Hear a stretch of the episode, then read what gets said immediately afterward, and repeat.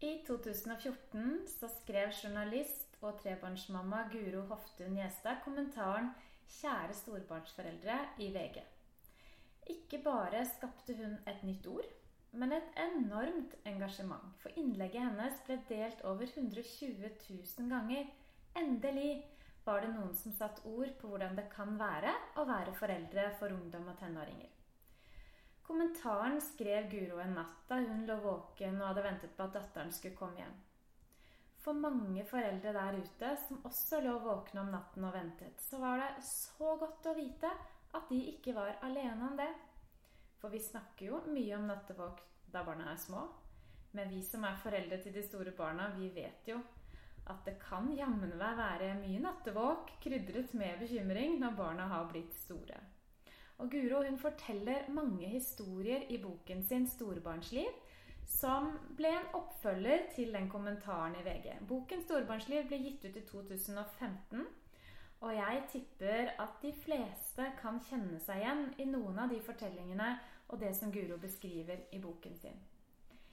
I dag er jeg på vei hjem til Guro. Helt siden jeg leste boken hennes for et drøyt år siden, så har jeg hatt så lyst til å treffe henne.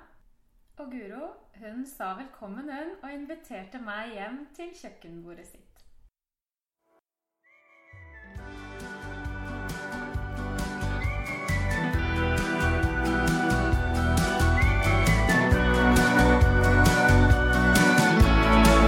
Sett det lenge, kommer til å skje. Du blir voksen, og jeg veit ikke helt hvordan jeg takler det.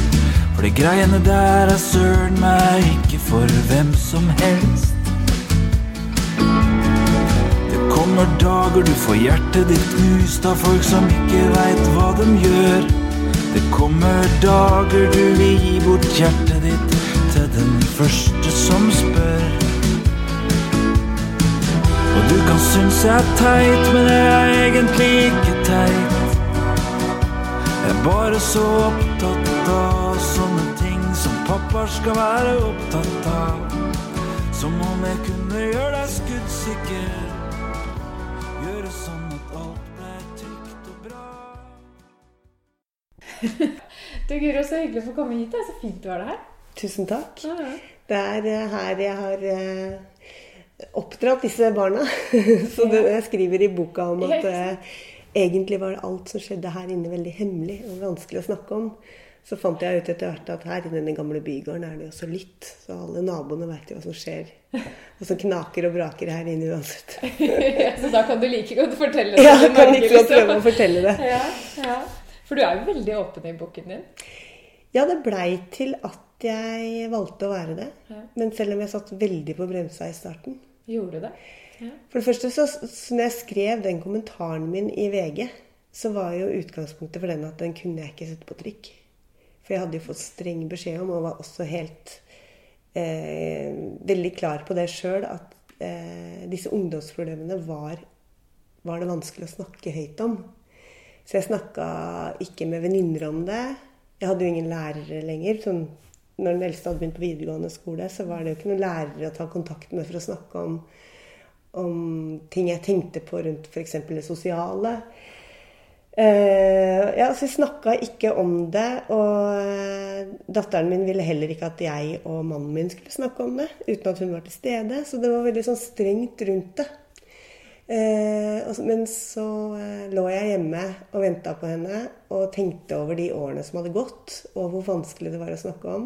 Og så hadde jeg en deadline på en sånn søndagskommentar, som jo er en sånn turnus som man går i. Og jeg visste ikke hva jeg skulle skrive om. Jeg hadde hatt sommerferie, og dette her var liksom på oppstarten i august. Og så, når hun endelig kom hjem, så var jeg så våken, og hun sovna jo så klart med en gang. Så begynte jeg å skrive på mobilen den kommentaren. Ja. Eller det som etter hvert viste seg at det ble den kommentaren.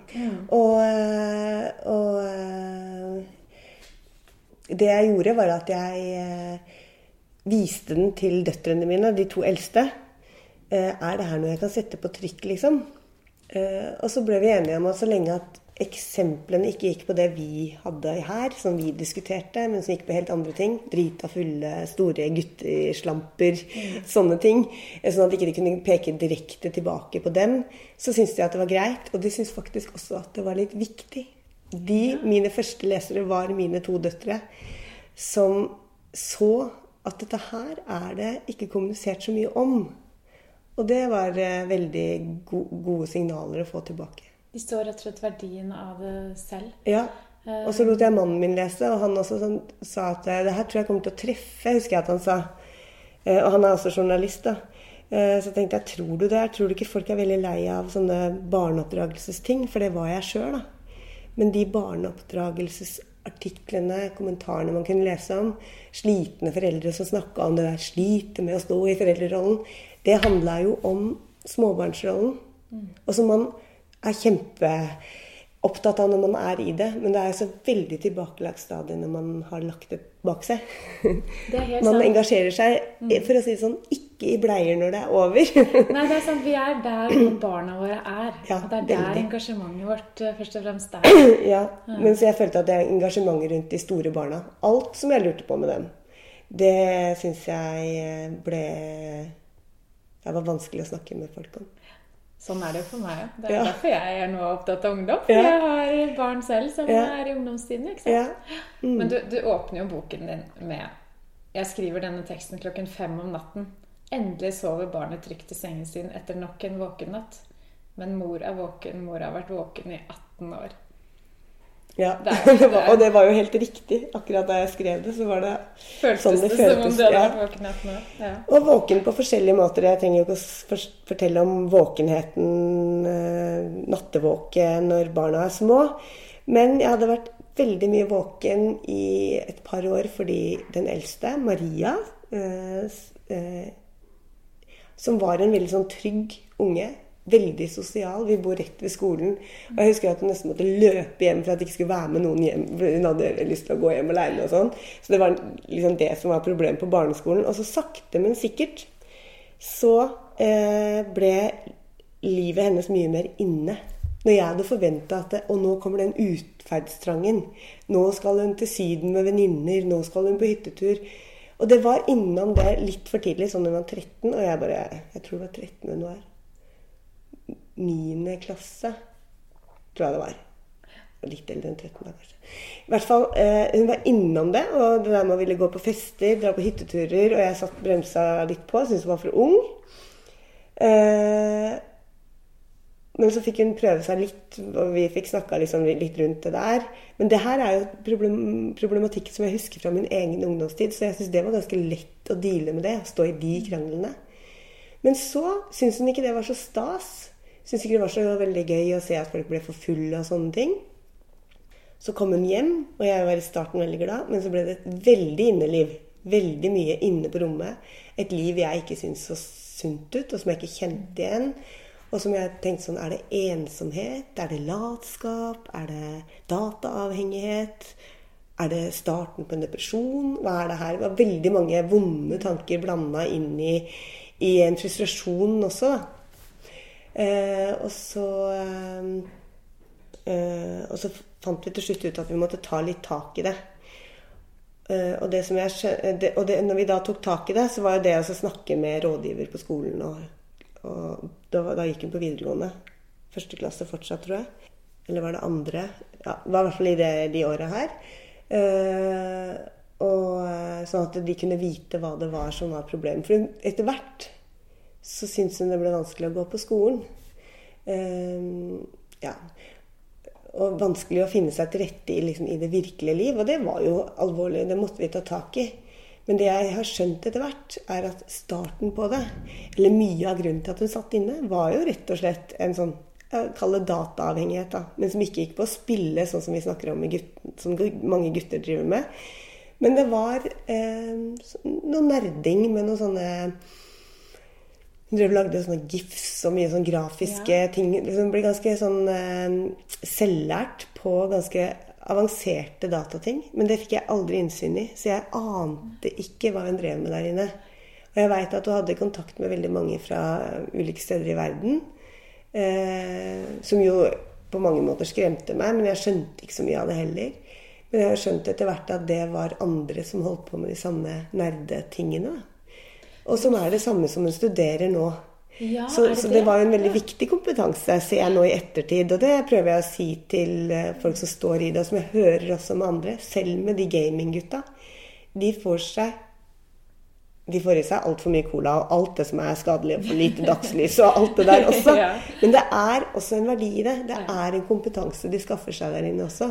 Det Og, og det sier eh, jeg med min datajente, og det sier også de gamingforeldrene som jeg snakka med, snakker med i boka.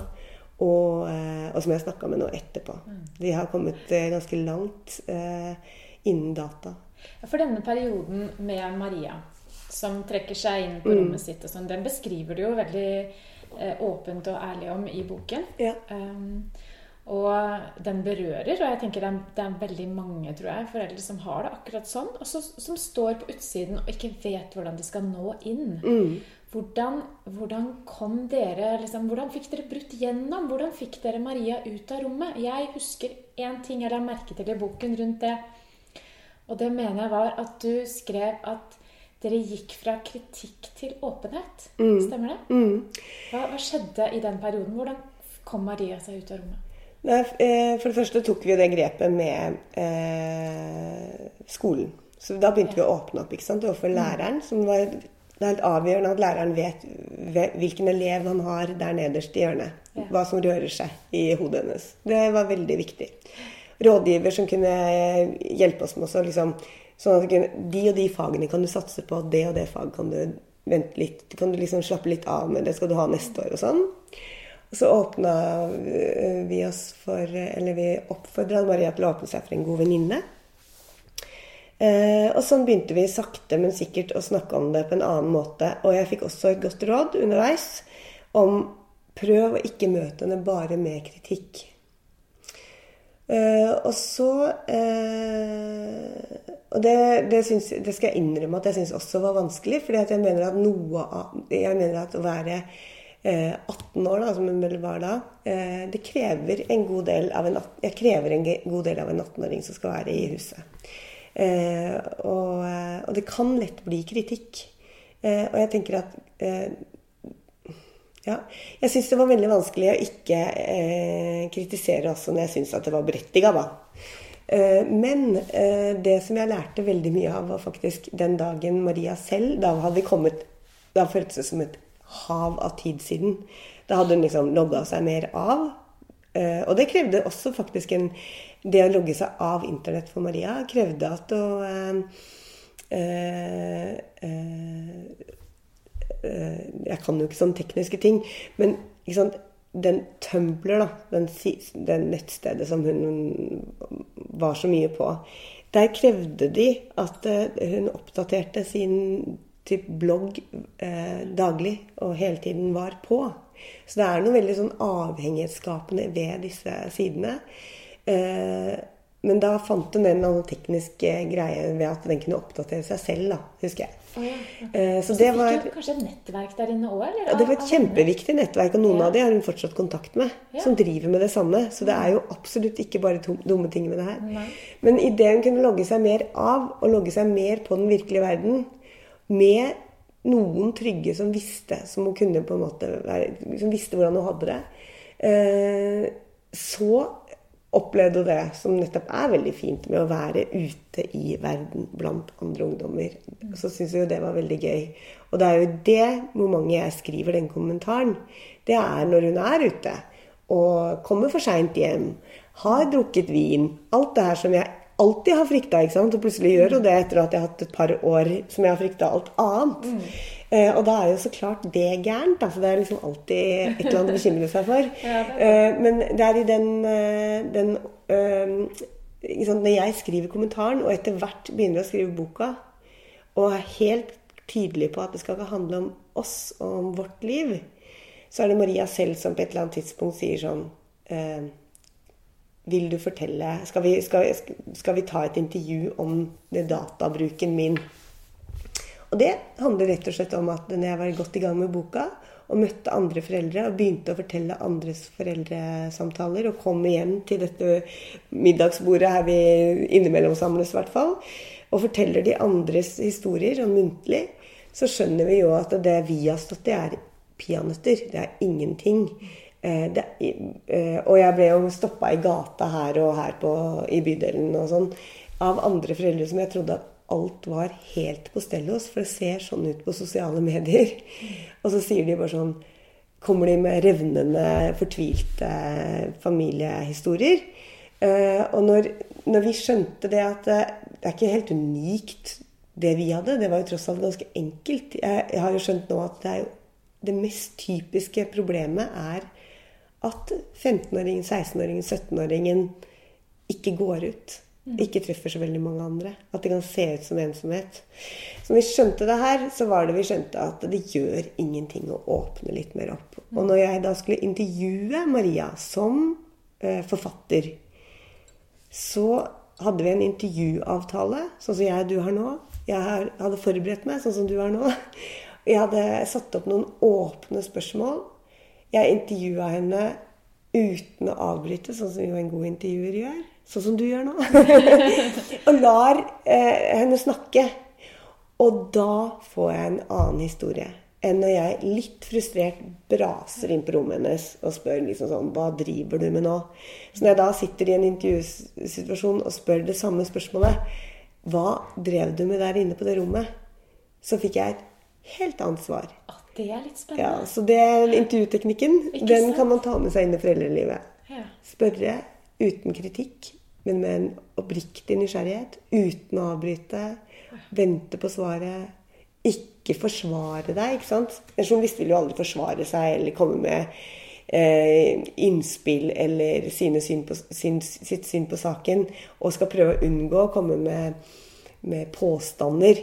Men du er jo sånn. ikke sant? Eh, og idet jeg tok med meg den teknikken inn i samtalen, så åpna det opp eh, mye. Åh, det tror jeg er så fint. Og for akkurat det med nysgjerrighet er jeg veldig opptatt av. For at når noen er nysgjerrig på deg, så blir du litt nysgjerrig på deg selv også. Og så er det litt sånn identitetsutviklende, tenker jeg, overfor barn og ungdommene våre. Hvis vi er nysgjerrig på de, så blir de også på den måten kjent med seg selv. Ja. Det er også en bieffekt ved det. Ja. I tillegg til at samtalene blir bedre. Men eh, jeg tror ofte de spørsmålene i et familieliv bobler opp med grobunn i en frustrasjon. Og, og da vil det kanskje bli litt Jeg har ofte tenkt at det er litt falskt, da.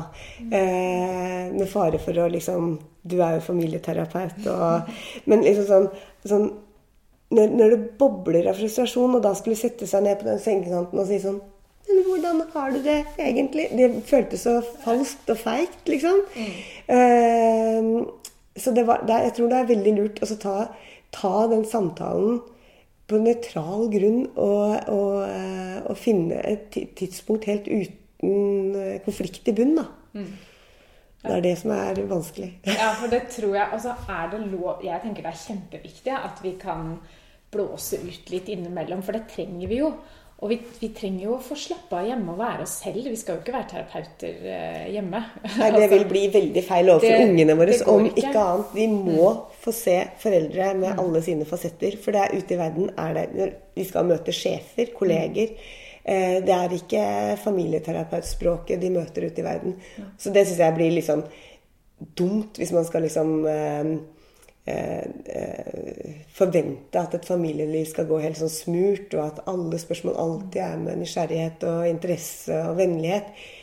Hvis du har sagt fire ganger at den oppvaskmaskinen hadde vært fint om du kunne rydde ut av, og det ikke gjøres, eh, så kjenner du jo sånn Skal jeg gjøre det sjøl, eller Og så smeller det. Det må være lov. Det tenker jeg det er helt riktig. Smelle litt og, og smekke litt i dører og i det hele tatt. Jeg tenker det er veldig sunt og veldig viktig. Ja. Og barna trenger jo at vi viser ekte følelser, at vi også er frustrert og slitne. Så blir, jo, blir det på en måte ikke lov Nei. for de heller Mm. å, og, komme ut med sine følelser. Så absolutt ikke det jeg mener, altså, med nysgjerrighet. Men det, men det handler om å, om å kanskje å blåse ut, men å ha evnen til å reparere. da. Ja. Til å kanskje la det gå noen timer, og så si du, vet du hva det jeg sa i stad, det var faktisk veldig dumt. Mm. Og, så, og så ha evnen til å liksom gå inn i det, tørre gå litt inn i det igjen. da. Mm. Å, Og så, det som jeg eh, sånn retrospekt det er veldig eh, jeg har veldig, eh, jeg er veldig redd for å altså gi gode råd, for det er ikke det som er min eh, intensjon med å skrive den boka.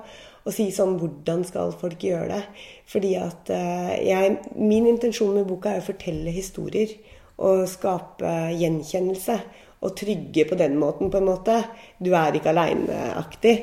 Eh, men, eh, men, det som jeg ser i retrospekt, da, er at alle de gangene du drar på deg skoa og går for å møte, det, møte ungen som har vært på fest, eller kjører for å hente om du er på trening, eller ja, De stjålne minuttene der dere kan få kjøre bil sammen, eller gå gjennom parken sammen, eller det er så viktig. Og du ser det kanskje ikke der og da, når du er trøtt og sliten og hadde hatt lyst til å ta deg et glass rødvin og sånn der. Fordi det er lørdag kveld. Men det er så viktig. Det er kanskje nettopp da man kan komme litt nær hverandre, da. Mm. Uh, ja. Og så, har jeg tro på, da, uh, at uh, å være litt åpen om hvordan altså at man spiller litt på lag. For jeg har jo en 18-åring nå. Maria har flytta ut. Eh, men eh, jeg har en 18-åring nå, og jeg er helt åpen på at eh, jeg blir mye greiere hvis du er ærlig og åpen mot meg. Jeg vil vite hvor du er. Jeg vil vite hvordan du kommer deg hjem. Jeg vil gjerne at du tar taxi hvis det, sånn, sånne, At vi snakker sammen om det. Mm. Så jeg tror nok jeg har, jeg har ganske mye kontakt med henne i løpet av en kveld ute. ja. For de trenger å passes på. Men jeg tror de faktisk liker det. Ja, det tror jeg. jeg tror at de liker det. Mm. Mm. Det er trygt. Ja. Det er noen som bryr seg. Ja. Og det er aldri kjeft å få når de kommer hjem. da. Men det er sjelden grunn til det, må jeg bare legge mm. til. Ja. Men jeg, jeg, tror det er akkurat det du sier der med at du forteller en historie. Og at folk kan kjenne seg igjen i det. Jeg tror det er det som gjør at boken din traff sånn. Og ikke minst at den kronikken i VG traff sånn, eh, Guro. Fordi at eh, det er noe med det å, å, se at noen andre har vært gjennom noe tilsvarende. Noe som kan ligne. Man kan kjenne seg igjen. Og man, kan, man ser jo også at man kan komme gjennom vanskelige perioder. Og at det, man kommer ut igjen på andre sida. Mm. Og det tror jeg er en veldig trøst. da. Ja, og det eh, ser jeg jo Nå holder jeg foredrag, og i den forbindelse så har jeg vært i kontakt med alle jeg snakka med. alle som jeg forteller, For jeg forteller jo historien til rebellen og til datanerden og til jenta med spiseforstyrrelser. Og jeg forteller forskjellige historier i boka og på det foredraget. Men nå har jeg muligheten til å høre hvordan gikk det. Eh, og, og, det her er foreldre som mange av dem har trodd at det kommer ikke til å gå bra. Men nå som det har gått noen år, og de har blitt voksne, eh, blitt over 20 år, eh, så er det jo så mye mer solskinnshistorie enn det det så ut som. Mm. Det, det, det, landskapet ser helt annerledes ut. Og det sier jo også folk som har fulgt denne problematikken over år, at det går jo som regel bra med de aller, aller, aller fleste. Mm. Den verste rabagassen skikker seg, liksom. Uh, Emil ble vel den beste gutten i bygda, liksom. Så det, ja, det, må vi ikke glemme. Og Emil er herlig. ja. Men, ja. men uh, det tenker jeg er den største trøsten. Og, er er, og da snakker man nesten sånn småbarnsspråk. Det er en fase. Mm. Det går over. Mm. Den derre ombyggingen eh, fullstendig kaotiske Du beskriver det som en, som en kaotisk storby, ja. egentlig, hjernen deres. Ja. De må få lov til å være gjennom det. Få lov til å ha sine kamper og sine utblåsninger og sine Ja. ja. Men det jeg tror er litt forskjellen da, for veldig mange, er at man øh, At på 80-tallet, da da jeg var ung, så var den øh, jeg brøyt ut av hjemmet. Jeg var nesten ikke hjemme, mener jeg husker. da.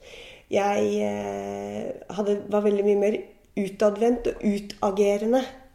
Eh, og da mener jeg utadvendt ut av huset og ut i bygda, som dette her var. mens nå vender de seg mye mer innover.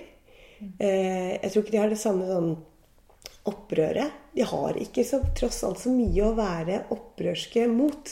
Jeg tror de vender opprøret veldig mye innover. Mm.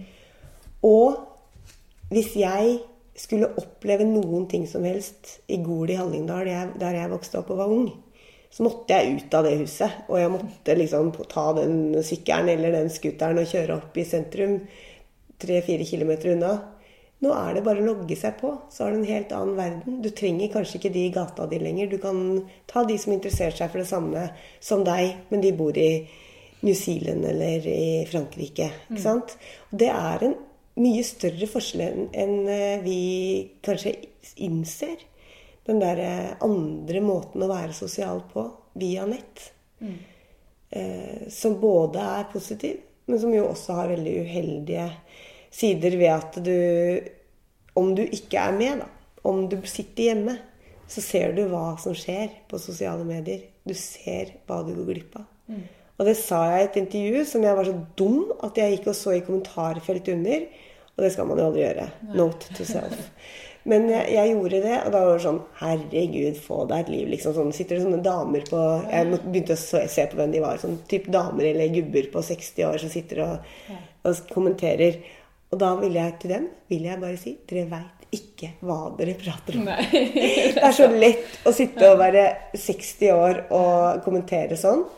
Eh, å være ung i dag er bare så annerledes enn da jeg, som er 47, eh, kan eh, erindre. Og i hvert fall de foreldregenerasjonene over oss igjen.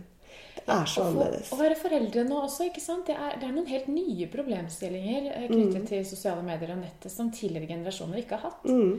Og det, det stiller noen store krav til foreldre i dag, tenker Ja. jeg. Ja. Um, og det er jo sant som du, altså Ungdataundersøkelser uh, år etter år viser jo at ungdom er jo mye mer hjemmekjære. Mye Sant. mer hjemmekjære. Og år etter år, og nesten økende, ser du også at de føler sko stress og press på skolen. Selv om de trives på skolen, så føler de stress og press på skolen. Nå føler jeg snart at vi må se at det, det gjøres noe for disse ungdommene. Eh, sånn at de ikke skal føle seg så stressa og pressa. I boka mi så forteller jeg om min gode nabo her rett bak veggen her, eh, som eh, eh, Han er i 40-åra nå. Da han gikk på ungdomsskolen, så sleit han Eller han sliter fortsatt veldig med dysleksi. Eh, han var ingen vinner på skolen. De prøvde virkelig alt for å få han til å bli interessert i teoretiske fag. Det gikk ikke pga. Eh, vanskeligheter med språk. Så var det en rådgiver som sa vi prøver at du skal få jobbe i et bakeri. Så fikk han plass i et bakeri, og han jobba netter og helger, alle ferier. Og når jeg spør sånn, hva, hva ble du så motivert av, Gunnar? spør jeg. Og da sier han jeg fikk skryt. Jeg hadde aldri fått skryt før. Jeg ville ha mer skryt. Ja, mestring, ikke sant? Mm. Og nå er han eh, bakemester og eh, toppledelsen i det store bakeriet. Eh, og, og hans historie syns jeg egentlig er veldig fin, fordi at det er akkurat det der. Og han, for han følte seg som en idiot. Han var en uh, fisk som skulle klatre i et tre, og da vil jo føle deg som en idiot. Eh, det å finne hva han kunne være god til det jeg, Den rådgiveren burde hatt eh, blomster på døra en gang i uka resten av sitt liv, liksom. Det er jo så utrolig viktig. Og det må vi ikke glemme i dagens skole. De som ikke syns teori er det viktigste. Jeg ser det nå på min elleveåring. Det er veldig mye teori. Det er veldig mye lagt opp til masse hjemmelekser. Jeg skulle ønske at det kunne være litt mer rom for å puste i en hverdag for en elleveåring som snart er tenåring. Helt enig. Og det er også veldig mye presentasjoner. Forventninger Mm. om at man skal holde presentasjoner foran. Mange ungdom sliter med det.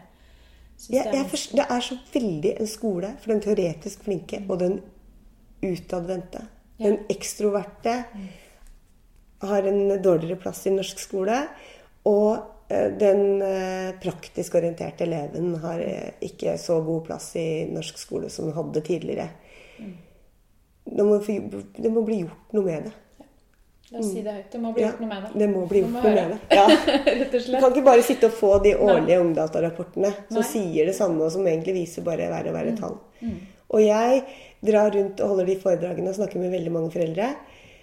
Eh, det er veldig få Det er mulig de foreldrene ikke er der, men det er veldig få som snakker om den derre partyungdommen. Det er veldig mange som kommer, og det virker som de ikke har snakka med noen om det før, men det er den ensomme inneungen de snakker om, eller tenåringen.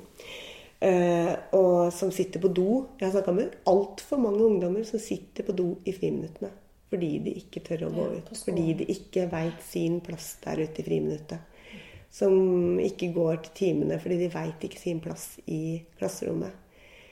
Uh, og det her gjelder vel på ungdomsskolen, men det gjelder også på videregående. Og på videregående har det jo, virker det som at det, fra å bli veldig tett fulgt opp på ungdomsskolen, både i foreldregruppa og, og lærergruppa, så slippes det litt mer opp. Det er mye mer faglig fokus på videregående. Mens eh, det sosiale er jo uhyre viktig. Jeg tror det har forskjøvet seg litt. da. Jeg tror at det vi tenker på som den ungdomstida vår på ungdomsskolen, den er mer brennende på eh, videregående. Det er da det skjer.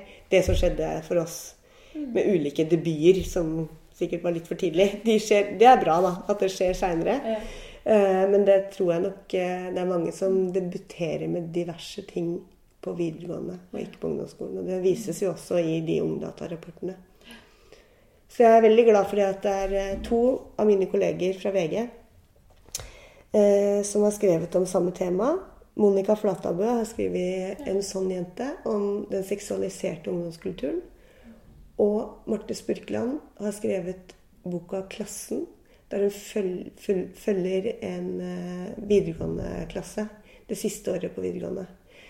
Eh, der man virkelig kan få se hva de står i, disse ungdommene.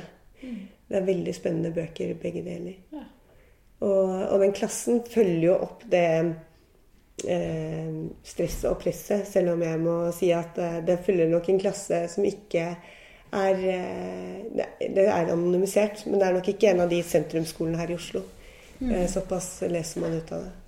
Mens den, eh, en sånn jenteboka, det er jo om de ungene som ikke er de innebarna som jeg snakker om, eh, men som er de som nettopp er utagerende, som fester, og som eh, er i et miljø der eh, kulturen er veldig seksualisert.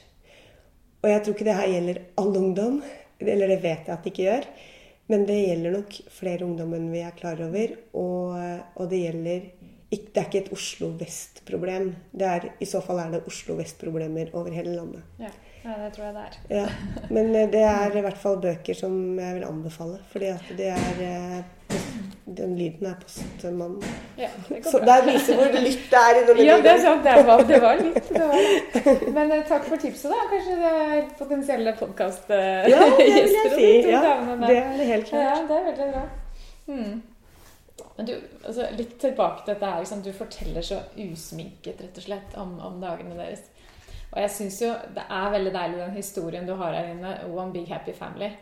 Hvor du rett og slett beskriver en sånn første sommerdags eh, som bare ikke ble helt sånn som du hadde tenkt. Og det er veldig godt å lese sånn. Fordi folk kjenner seg igjen i det. Mm. Men, men vi snakker jo ikke om det. Fordi det, det som kom ut på Instagram, det var jo det fine bildet. Mm. Sant? Mm. Ja, jeg innrømmer helt glatt at eh, sånn er det stadig vekk hos oss. At, For eh, jeg har veldig veldig høye forventninger. Si f.eks. til ferie. Og dette her er ikke storbarnsproblematikk, Det er vel kanskje Guro-problematikk. Eller gud veit. Det her husker jeg særdeles godt fra de var små også. Nå har vi pakket til en kjempefin skogtur, og vi skal grille bål. Eller brenne bål ute ved elva. Og så blir det et helvete på jorda på den turen. Eh, og den eh, One Big Happy Family, eh, som er eh, noe eh, fiksjonalisert, men alle elementer er sanne, vil jeg si. Er det det? Kommentarene ja. ja. Ehm, så, så er det jo nettopp det der du eh, Ja, eh, selv om det ikke går akkurat på den kommentaren, men vi var i Spania. Eh, og det er bare noen måneder før jeg skriver den kommentaren, og før jeg skriver den boka. Før jeg setter i gang med boka. Så er vi i Spania i to uker. Og da legger jeg ut ett bilde av oss. One big happy family. Det er jo kontrollert For det første ble det sikkert tatt 20 bilder av den ene Jeg er helt Ja. poserende, men vi tar Ja. sikkert minst 20-30 bilder. Og det tar lang tid å velge ut det ene. Ja. Der vi ser brune ut, og der vi ser Alle liksom, så riktig vei Mm, og ja, ja, ja. og ja. alle ser eh, på sitt beste ut. Mm. Men det jeg husker fra den ferien, er jo kuler og krutt og rømming. Vi, en av oss rømte, og Robert, mannen min, måtte gå seg en tur. Og, og det gikk på sånne bitte, bitte små ting, så når du tenker på det etterpå, så det sånn du kan nesten ikke skjønne at det kunne bli en konflikt. For det er liksom sånn Man sitter ved bordet, en reiser seg for å hente melk, en annen kommer til bordet, men setter seg på den stolen der den personen nettopp reiser. Og så blir det vanvittig spetakkel rundt hvem skal sitte på den stolen. Det er så små ting at det går nesten ikke å gjenfortelle. Men eh, liksom det eskalerer så voldsomt at det blir, en, det blir grining og skriking og hamring. Ja, så det er egentlig mange av de minnene jeg har fra den ferien. Men når jeg sier det til ungene mine, så sier de men det er ikke sånn vi husker det. Vi husker det som en kjempefin ferie. Det er, det er en av våre yndlingsferier, sier de da. Så det er liksom forskjellig. Ja. Ja. Men eh, jeg tror det gjelder veldig mange. At man legger ut eh, på sosiale medier eh, sweet harmony, liksom. Og så er det bare ikke alltid sånn det ser ut hele tiden. Og jeg forstår det. Det er ikke noen grunn til å legge ut liksom Jeg mener ikke at man skal det. Jeg, mener, jeg vil ikke oppfordre folk til å legge ut bilder av eh, fulle ungdommer og Nei. rotete rom og skittentøyskurver og Nei, Eller klær som burde vært i skittentøyskurven. Sånn, Ja. ja, det, det er helt greit, det Altså, også. la noe få lov til å være innenfor hjemmets eh, fire vegger. Og, ja. Men det som jeg syns er så fint med at du tør å dele det, da, Mm. sånn som du gjør på denne måten, det er jo litt det at, eh, at det gir på en måte litt sånn eh, det gir- det er liksom litt lov. Og jeg tenker jo at det er veldig mye sunt med det. da. For det vitner jo om en trygghet. Når man tør å bli litt sinna på hverandre, når man tør å si ifra, så er det fordi at det er takhøyde for det i huset. Så på en måte så tenker jeg at det er veldig sunt. Ja, Det det er- føles veldig usunt når det står Ja, på, men jeg ja. tror jeg er enig med deg nå, når vi to sitter her. Men i situasjonen så føler jeg alltid at det er veldig veldig usunt, og at vi er helt eh, at, det er, at vi er dysfunksjonelle. Det tenker jeg stadig vekk. Men, uh, Ja, Da er det normalt å være det, i hvert fall. tenker ja. jeg da. Men det skal sies vi var eh, tilbake i Spania nå i sommer. Ja. etter et pause, for mor har skrevet bok. Uh, eh, og, eh, og da gikk det veldig mye bedre. Ja. Eh, det var mange færre konflikter. Og det tror jeg rett og slett handler mye om alder. At den eldste da er over 20. Ja. Og eh, ja, det er, alle har rikka litt opp. Det er klart det. Dere er ferdig med en treårstrass og Ja. altså den Ja. Ja, 13-årstrass. 13 og- ja. og hele, hele veien. Det er Ja. klart det. At det blir, det blir lettere etter hvert når Ja. barna blir større. Blir mindre av det. Ja, men, jeg, men ikke sant, det er det som er at man tenker sånn Bare treårstrassen er over. Mm. Men jeg mener sånn Jeg mener at det varer helt til de er 20. Ja. Det er jeg helt enig med deg. For det, det. det må jeg bare si, nå som Maria har flytta ut og blitt 21, så er det jo så hyggelig når hun kommer hjem for å spise søndagsmiddag og sånn. Herregud, det er jo helt krem. Det er jo aldri noen konflikter. Sånn føles det nå. Ja. ja, det er godt Ja. at det er sånn. Ja. Mm. Men det er, det er litt viktig å ta med seg det at eh, ok, så ser vi dette her på sosiale medier, og det kan gjøre noe med oss. Og det, kan, det, og det er det som jeg tenker å gjøre noe med ungdommene våre. At det, det er på en måte en slags fiktiv verden. Og så tror man fort at det er sånn det skal være. Ja. Og så føler man seg mislykket. Mm. Eller man føler seg ensom. Fordi det ser ut som hele verden er one big happy family Mm. og har det fantastisk hele tiden. Og så er det jo egentlig ikke sånn. Men man får et litt sånn feil bilde av virkeligheten, egentlig. Jeg merker det. Vi skal ikke på noe utenlandsferie i sommer. Det virker som om vi er de eneste på jordkloden som ikke skal det. Det jo, stemmer jo ikke. Eh, men, eh, men eh, det virker som at alle er på fantastiske ferier hele tiden. Det virker som at alle har ubegrensa penger til sportsutstyr og klær og til å leve et fantastisk liv. Via sosiale medier så kan du få inntrykk av at folk lever helt annerledes. Men som jeg også skriver i boka, disse feriene, de gir noen hakk i gullkortet, for å si det sånn. Du ser det på kredittkortregningene. Eh, sikkert ikke hos alle, men eh, statistikken viser jo at veldig mange har veldig høy forbruksgjeld i landet i dag. Eh, så en veske til 20 000, når en jente på 16-17 har det, kanskje en ny en gang i året, sånn som enkelte miljøer eh, flasher sånn type rikdom, så er det ikke sikkert at det er rikdom du egentlig ser. Du ser kanskje en kredittkortgjeld. Det prøver jeg å si til ja. ungene mine. Ja. Fordi at det er jo det. De aller fleste har vanlige lønninger, selv om noen har skyhøye lønninger. Men de aller fleste har helt vanlig inntekt. da har du ikke råd til sånt. Nei, det vil jeg det påstå.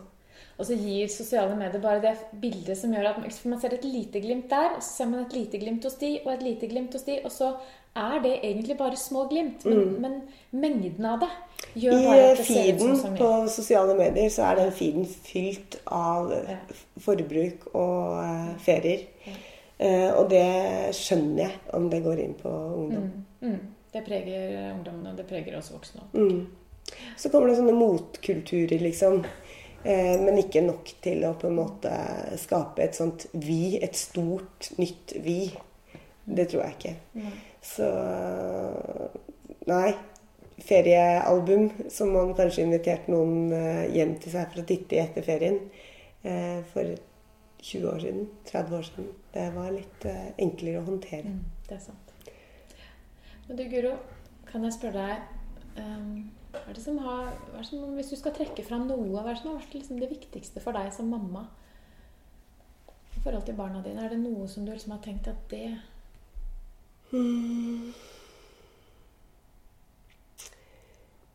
Eh, nei, men skal jeg si, det er veldig vanskelig og veldig stort, da, for det er jo det viktigste. Ikke sant? Eh, men, men det som jeg ser nå det- Når jeg flytter Maria ut, og flytter én kilometer, eh, så jeg er jo kjempeheldig. Jeg følte at det var på høy tid at hun flytta ut. Men jeg bærer kassen hennes ut i bilen og kjører da den bort til den leiligheten her en kilometer unna her, så slår det meg at guri min så kort den perioden her er. I det livet i det, med det, der du skal stå så mange år i et, være yrkesaktiv eh, i, I et langt liv, hvis vi er så heldige at vi får leve et langt liv, så er kjernefamilieåra få. Det slo meg veldig, og det syns jeg Det syns jeg vi kan snakke litt mer om. Eh, å prioritere riktig da, i de åra. Selv om det koster Har en pris karrieremessig. Og jeg har ikke vært Jeg har liksom vært i stroppen og vært i spagaten. Jeg skrev en kommentar om det nå nettopp. Om det derre eh, Ja, så klart har det en høy pris hvis du er eh, høyt gasjert eh, eh, advokat eller eh, har en viktig jobb som fremstår som at du er helt uh, uerstattelig på jobb. Du er erstatt, uerstattelig hjemme òg. og det, det slo meg bare. Og jeg ble sånn livredd for at jeg hadde prioritert feil. Da. Det har jeg gjort i mange situasjoner. Men sånn at de ungene mine i det store og, i, og det hele skulle føle at vi, jeg og mannen min, har prioritert feil. Heldigvis så når vi drev der og flytta og jeg begynte å bli sånn sentimental, så fikk jeg støtte på at vi har ikke gjort det. da. men, men eh, ja. Det at, eh, at det toppen er 20 år, vi har dem i hus. Og mange steder flytter ungene mye tidligere også. Så tenker jeg sånn Å, guri min, den tida, den er så verdifull. Og min gamle eh, eh, rektor på barneskolen hjemme i Hallingdal, husker jeg sa det en gang. Eh, da var ungene ganske små, og jeg tror jeg snakka om hvor slitsomt det var. og sånn. Så sa hun at eh, du må huske det, Guro, at dette her er de fineste åra. Og det har jeg lagt litt på, på minnet, at eh, det er de fineste årene. Så det gjelder bare å være i de årene. Være sammen. Og da trenger man ikke å dra til Malaysia for å være sammen. Det er sant. Det sa akkurat det sa mammaen min til meg også for noen år tilbake, faktisk. Ja. Husk det, de årene når du har barna hjemme, og det er liksom dere, det er de fineste årene. Og det, det tok jeg med meg. Og det, det, det har også gjort noe med mine prioriteringer. Det har faktisk det. Altså. Ja. Det er så viktig, og det går fort. Mm. Min eldste har også flyttet hjemmefra. Ja. Nå for et halvt års tid siden. Og det var tøft, det. ja. Hvor gammel? Han er 19. Ja. Ja. Akkurat ferdig med videregående. Og Men hvor langt flytta han? ja, da flytta han til Grimstad. Ja. Men uh, det er en periode i livet som er over. ja, det er en periode i livet som er Ja. over, som man liksom ikke får ordentlig tilbake. Nei. Og så føles det det, som, Ja. som et knips. Ja. ja. Mm. Og det, det tenker jeg at man må bare rett og slett være der. Og hente og kjøre og bringe og være våken og ja. Og så får man håpe at uh, de kranglene som har vært, har vært helt naturlige. ja. Og med på å utruste de rett og slett Ja. til et normalt liv Ja. ute i denne verden. Som heller ikke er optimal og tilpasset eh, oss. Nei, det ville være veldig feil hvis du sender dem ut i verden og de tror det skal være helt hinderfritt. Jeg tror at eh, det kanskje er litt av problemet til disse barna her. At, eh, at de sikter ganske høyt. Dette her har jeg ikke fra meg sjøl, men fra en rådgiver på Hallingdal videregående skole. Eller Gol videregående skole, heter det. Gol videregående skole. Hun sier at eh, alle sikter veldig Eller veldig mange sikter veldig høyt. Men de har ikke hatt særlig mye motstand i livet. Sånn at de, de der, ikke sant, for å, Sikter du mot toppen, så må du ta den motbakken, men den er de ikke helt vant til. Og det er nok litt riktig. Så jeg tror at eh, vi må noen ganger være litt flinkere til å la dem få deale med ting sjøl. Bestille seg time hos tannlegen sjøl og ja, koke et egg sjøl og ja. Det tror jeg du har veldig rett i. Litt motbakke er egentlig ganske bra. ja. Ja. Noen hinder for de komme seg over sjøl. Jeg liksom har vært liksom, det der begrepet curlingforeldre, der vi pusser kula. Eller pusser foran kula, det skal gå friksjonsfritt i mål. Eh, vi gjør det jo av eh, Vi gjør det jo fordi vi vil dem vel. Og vi gjør det fordi velstanden vår tillater oss det. Vi har tid og mulighet og råd til å bruke utrolig mye tid på disse barna. Og gi dem utrolig mye oppmerksomhet. Følge dem veldig mye opp. F.eks. idretten. Men idet vi gjør det, så er det ikke bare det at vi ikke bidrar til å hjelpe dem til å komme seg over hindrene på egen hånd. Men eh, vi eh, Idet vi investerer så mye tid i den, så legger vi også et visst press på den, tror jeg. Eh, som du ser f.eks. innen idrett. Eh, det, er, det blir kanskje ikke så veldig lek for mange barn innen idretten. Eh, kanskje ikke så lystbetont når, eh, når foreldrene filmer og tar det på storskjerm når de kommer hjem for å se kan teknikken bli bedre. Når de er helt sånn med argusblikk på treneren, gjør han noe feil? Her, jeg, mm, jeg har sett det med egne øyne hvor stygt det kan se ut. da. Eh, og jeg tenker at det er ikke alltid bare bra. Nei, jeg tror ikke det er bra i det hele tatt. Jeg. Nei.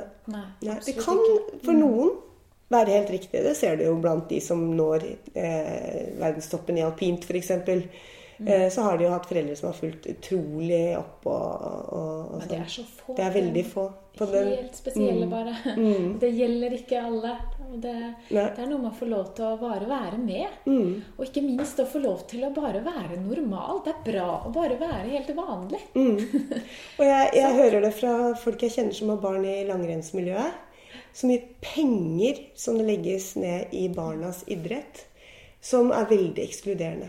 For folk som ikke har råd til tre par skisko til 6000 per par, eller skistaver til 3500, eller mange par ski. Det er jo en veldig dyr idrett i utgangspunktet.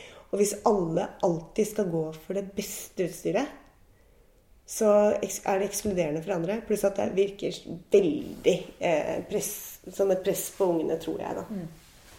For da kan de ikke svikte, på en måte. Og det kan se ut som det presset er i ferd med å bli litt for mye for ungdom i dag. Og Ja. at jeg sier at de bærer det med litt sånn svikt i knærne. Ja, Det ser sånn ut. ja, ja. Jeg tror at mange skal passe seg litt der, altså. Selv om jeg tror at det er kjærlighet og omsorg som ligger i bunnen. Mm. Jeg håper da det. Men jeg tror man skal passe seg litt for det. Mm. Jeg tror det handler om at man vil vel, egentlig. Ja. Det er bare at det, det kan bli så feil. Mm. Mm. Mm. Ja. Og det samme gjelder med skole og overalt. La dem få lov å slappe litt av. Selv om det slappe litt av kan noen ganger se ut som at da velger å ligge helt flatt. ja, det er jo balansen, da. Det er jo ikke så lett. Døgn etter døgn etter døgn. Men uh, ja. Nei.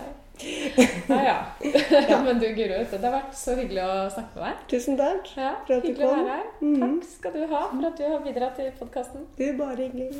Takk for deilig pukkate. bare hyggelig. Som om jeg kunne gjøre deg skuddsikker. Gjøre sånn at alt ble trygt og bra. Og hvis du likte dagens episode, så del den gjerne med ditt nettverk på sosiale medier, slik at flere oppdager Ungdomsforeldrepodkasten. Og har du et tema du har lyst til at jeg skal ta opp her i podden, eller en historie eller noen tanker du har lyst til å dele med meg, så blir jeg veldig glad for en mail fra deg. Da sender du det til ann-jeanette at samtaleverkstedet.no.